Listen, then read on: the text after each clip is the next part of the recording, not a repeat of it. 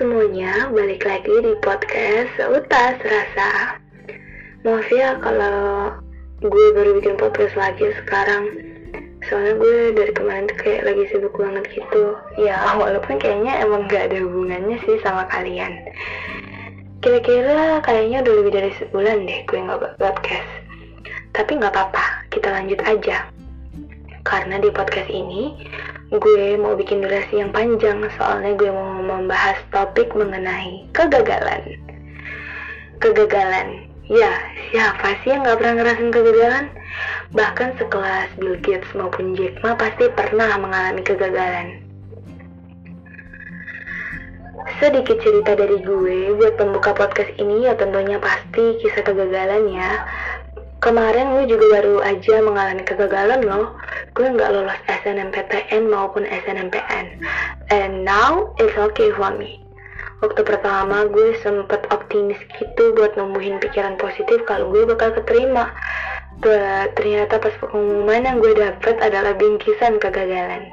Di sini gue nyebutnya bingkisan kegagalan karena ya kegagalan itu satu paket dengan berbagai rasa dan pembelajaran lainnya bukan cuma rasa sedih sama keputusan aja ya saat kita merasakan kegagalan it's okay to be sad it's okay to crying for a whole night when you need to crying all of that it's normal feelings for human Pas gue masukin nama sama nomor peserta SNMPTN, tepatnya pada tanggal 22 Maret itu, gue klik dengan tanpa perasaan gitu loh. Kayak lo pernah gak sih gak klik sesuatu tapi gak pakai perasaan gitu? Kayak no feelings. But I still not forget to always say bismillah. Pas gue klik gitu tuh gampang banget langsung keluar hasilnya. Asal tuh kan mohon maaf Anda tidak lolos, Anda dinyatakan tidak lolos dalam SNMPTN. Gitu kan ya kira-kira ya tulisannya. Gue lupa. Hal pertama yang gue rasain first feeling first feeling yang gue dapet tuh bukan sedih atau gue yang kecewa gitu. Justru yang gue rasain pertama waktu sore itu lucu sekaligus aneh. Kan gue buka web itu jam setengah empatan adis azan asyar banget tuh. Temen gue buka 5 menit sebelumnya. Katanya error terus nggak bisa dibuka. Kayak nyangka aja gitu pertama. Kok bisa secepat ini ketahuan hasilnya. Gue kira bakal ada problem atau drama kayak web error gitu atau apa. Tapi ternyata lancar pol udah tuh. Itu first feeling yang gue dapetin di saat gue buka pengumuman SNMPTN lucu tapi aneh juga. Setelah itu gue kan anaknya emang suka bikin SW reaction atau story time gitu kan di WA gue sendiri. Nah gue bikin tuh video di SW asli ya gue saat itu ngakak banget rasanya tau. Kayak gue klarifikasi bahwa perasaan gue nggak kenapa-napa banget pas pengumuman dan ini emang pas sore ini abis pengumuman gue nggak kenapa-napa nggak sedih atau apa atau kecewa sama sekali nggak kenapa-napa. Swear deh. Gue ketawa di SV terus gue majang hasil SNMPTN gue dan sebagainya pas gue bikin story time itu. Bahkan gue jadiin TP gue jadiin loh hasil pengumuman SNMPTN nya gue jadiin buat wallpaper apa foto sampul di Twitter gue juga. Sumpah. Sorry itu gue bangga banget deh pokoknya. Nah, long story short, pada waktu-waktu malam sampai late night itu perasaan gue malah jadi campur aduk gitu, melankolis. Karena gue yang saat gue melihat teman-teman gue yang wah banget bisa lulus IPB, 4, UPNVJ, sampai UB. Pertama, gue mau ucapin selamat untuk kalian semua yang berhasil lulus SNMPTN di universitas, universitas yang kalian tuju.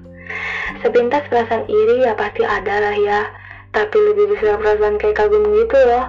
Amin, just, just like wah bisa ya dia masuk situ, keren banget. Dari situ mulailah gue overthinking, kayak wah kok bisa, dia bisa ya, kenapa gue nggak bisa? Kok gue gagal sih? Kenapa begini? Ya Allah kenapa gue jadi merasa sedih sekarang? Di situ mulai timbul pertanyaan-pertanyaan yang kacau dan yang seperti biasanya ditanyakan ke diri sendiri saat seseorang mengalami kegagalan. Padahal ya padahal nih waktu itu gue cuma mengharapkan 50% aja dan sisanya nggak sama sekali mengharapkan jadi ya 50-50 gitu lah ya. Mengharapkan SNMPTN nya cuma 50% dan 50% lainnya ya gue udah amat. Dan tibalah malam itu gue ternyata nangis beneran dong. Bahkan perasaan gue campur aduk banget melankolis banget saat tengah malam itu. Dan ke bawah sampai lusa sorenya. Jadi tuh gue kayak sehari setengah lah perasaannya melankolis gitu lusa sore gue kan biasanya cari makan sama kakak gue pakai motor gitu. Gue narik napas dan melihat langit sore. By the way gue healing buat gue tuh salah satunya adalah ngeliat langit. Itu tuh jadi kayak hmm, I feel kind of free gitu. Kita tarik napas dalam-dalam. Terus gue menghembuskannya dalam satu tarikan napas.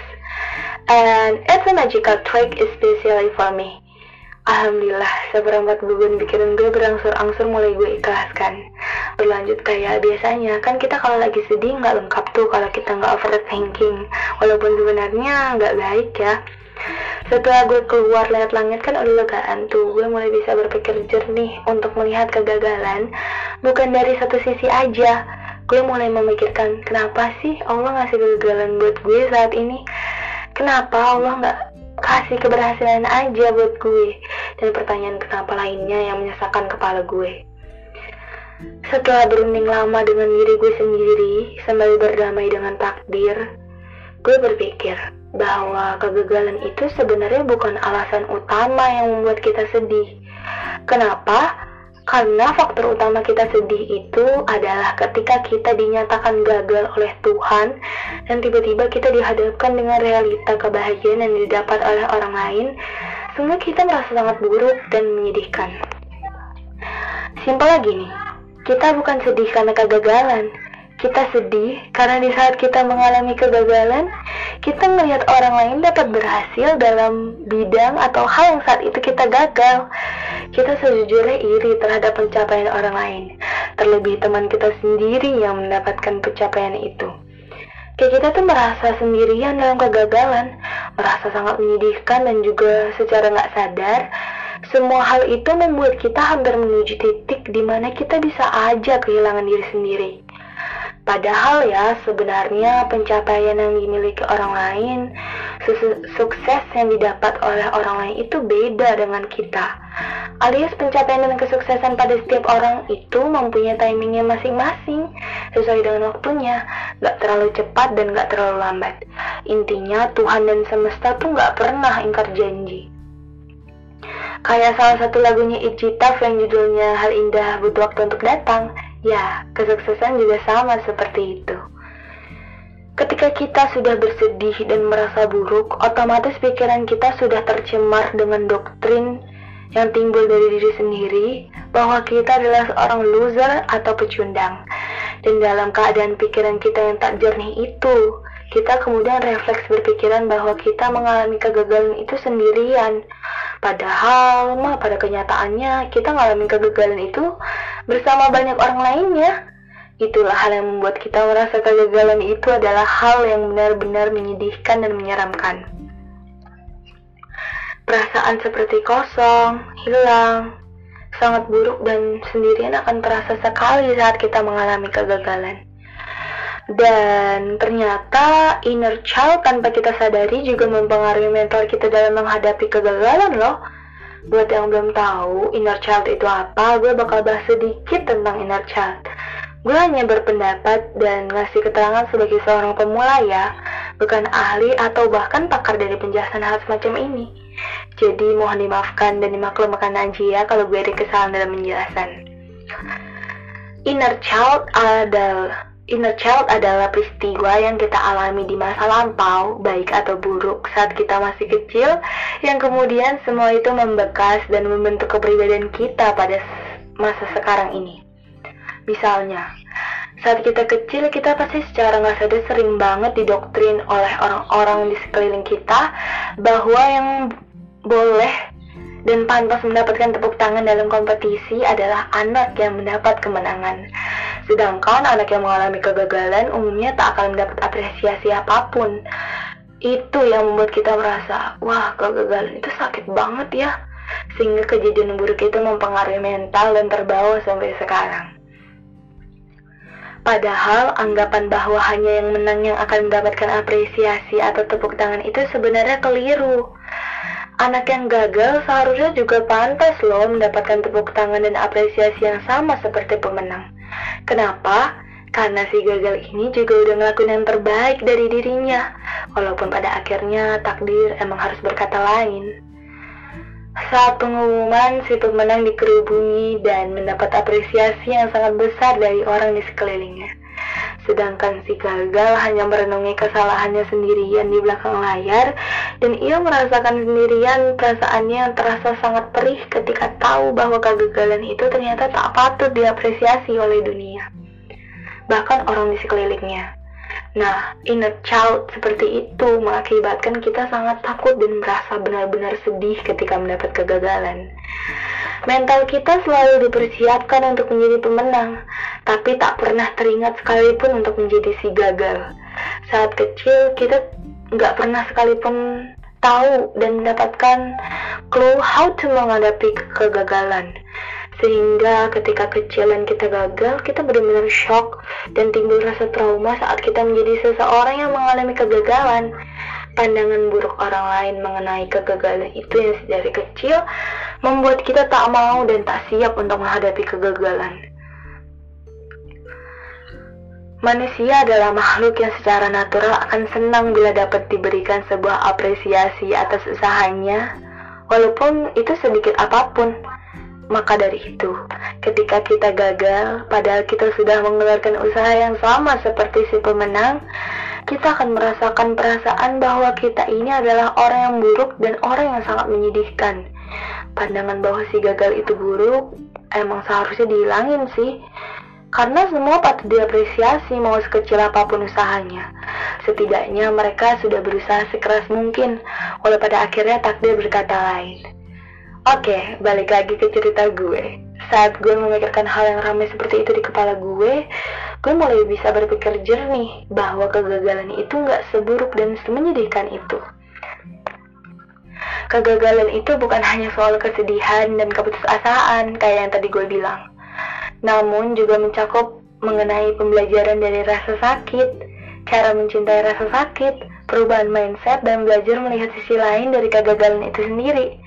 Pertama, kegagalan itu mengajarkan kita how how to love rasa sakit atau setidaknya berdamai dengan rasa sakit, takdir semesta dan prasangka diri sendiri. Perasaan manusia sangatlah kompleks, maka dari itu wajar sekali bila kita terkadang kebingungan sendiri terhadap perasaan yang kita hadapi. Ketika kita telah berhasil mencintai atau setidaknya berdamai dengan diri kita sendiri, tandanya kelihatan, yaitu ketika kita tidak lagi merasa sakit ketika melihat kenyataan bahwa kita mendapatkan kegagalan.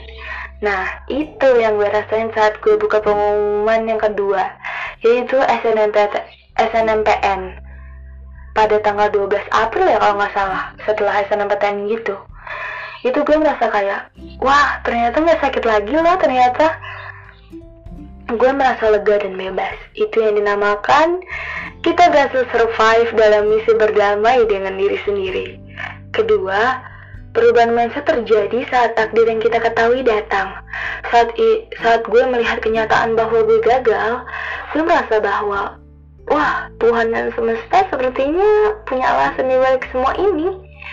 Gue dari kecil emang termasuk anak yang alhamdulillah puji Allah uh, alhamdulillah banget jarang merasakan kegagalan dalam penerimaan. Namun, takdir berkata gue harus gagal dalam penerimaan pada kemarin itu. Dan itu termasuk pukulan bagi gue dan anak-anak lainnya juga yang merasakan kegagalan. Mental mereka yang sedari kecil sudah sering menerima kegagalan nyatanya lebih kuat dan tangguh dalam menghadapi perasaan bersedih mereka sudah terbiasa dengan kata gagal, sehingga gagal sudah menjadi sesuatu yang tak perlu mereka takuti atau khawatirkan secara berlebihan lagi. Sangat berbeda untuk golongan anak-anak yang jarang sekali mendapatkan kegagalan ataupun penolakan dalam hidupnya. Ia akan merasa sakit, putus asa, dan merasa bahwa dunia dunia nggak ditakdirkan untuk mereka dan dunia mereka akan berakhir sebentar lagi. Punya perasaan itu nggak apa-apa, normal, normal banget kok. Tapi kita harus tahu dan ingat bahwa pada kenyataannya kegagalan itu bukan tolak ukur kesuksesan seseorang. Kita semua didoktrin saat kecil bahwa ketika kita gagal, kita tak akan lagi tak akan pernah lagi mendapatkan kesuksesan, dapat meraih kesuksesan. Hal ini sepertinya nggak berlaku dengan kisah seorang pria Eropa tua berjenggot yang saat ini menjadi figur pada figur pada logo KFC. Ya, pasti kalian semua tahu. Figur menjadi logo KFC itu adalah Mr. Colonel Sanders. Colonel Sanders. Ia menjadi legenda karena ia mengalami kegagalan 1009 kali dalam percobaan menjual resep ayam bucketnya. Ia belum termasuk itu belum itu pun belum termasuk kegagalan dalam karir yang ia jalani lainnya seperti bertani, menjadi pemadam kebakaran ataupun dipekerjakan sebagai sales. Kemudian pada percobaan ke 1010, ia berhasil mendapatkan kemenangan dalam resepnya. Selama 1009 kali percobaan itu, ia selalu belajar untuk mengevaluasi diri dan juga belajar untuk berdamai dengan kegagalan. Ia juga bukanlah seseorang yang pas untuk ucapan sukses di usia muda loh, karena di umur 62 tahun ia baru aja bisa sukses dan berhasil dalam percobaan resepnya. Dan ya, sampai saat ini resep rahasia Mr. Colonel Sanders percobaannya yang ke 1010 itu jadi mendunia deh. Gerai KFC ada di mana-mana. Dari situ kita bisa belajar bahwa ketika kita sudah dapat berdamai dengan kegagalan, mindset kita pasti akan berubah. Dari yang sebelumnya menganggap kegagalan itu adalah hal yang buruk sekali sampai akhirnya kita menganggap bahwa kegagalan itu kegagalan itu ternyata nggak seburuk itu. Masa muda juga perlu gagal agar kita tahu bagaimana nikmatnya saat menjadi pemenang. Ya alias biar hidup kita nggak flat-flat amat lah ya pada akhirnya gue belajar bahwa segala sesuatu yang ditakdirkan Tuhan dan semesta yang harusnya untuk gue emang gak akan pernah berpaling atau terlewatkan oleh gue sendiri. Seperti kata pepatah lama bahwa ada seribu jalan menuju Roma. Kita baru aja kok menempuh hitungan jari atau bahkan baru satu cara yang kita pakai. Masih ada 999 jalan lain kalaupun udah seribu jalan ditempuh dan masih aja nggak bisa ya kita bikin rumah kita sendiri nggak ada salahnya. Kalau kita nggak bisa jadi salah satu mahasiswa atau mahasiswa di universitas impian kita setidaknya kita masih punya seribu sembilan kita masih punya 999 jalan lain untuk kita tempuh ke sana entah kita di sana sebagai pembicara atau bahkan yang lebih hebatnya lagi, kita bisa menjadi pemberi kuliah pada untuk para mahasiswa di sana. Maka dari itu, expand your own dream with many way. Setelah kita dapat berdamai dengan kegagalan, kita bahkan jadi menganggap bahwa kegagalan itu seru banget loh. Kita jadi bisa keluar dari zona nyaman dan tentunya belajar hal baru, khususnya tentang kedewasaan. Jadi, buat teman-teman yang belum bisa berdamai dengan kegagalan, hendaknya coba dulu hendaknya coba dulu ya 999 jalan lainnya.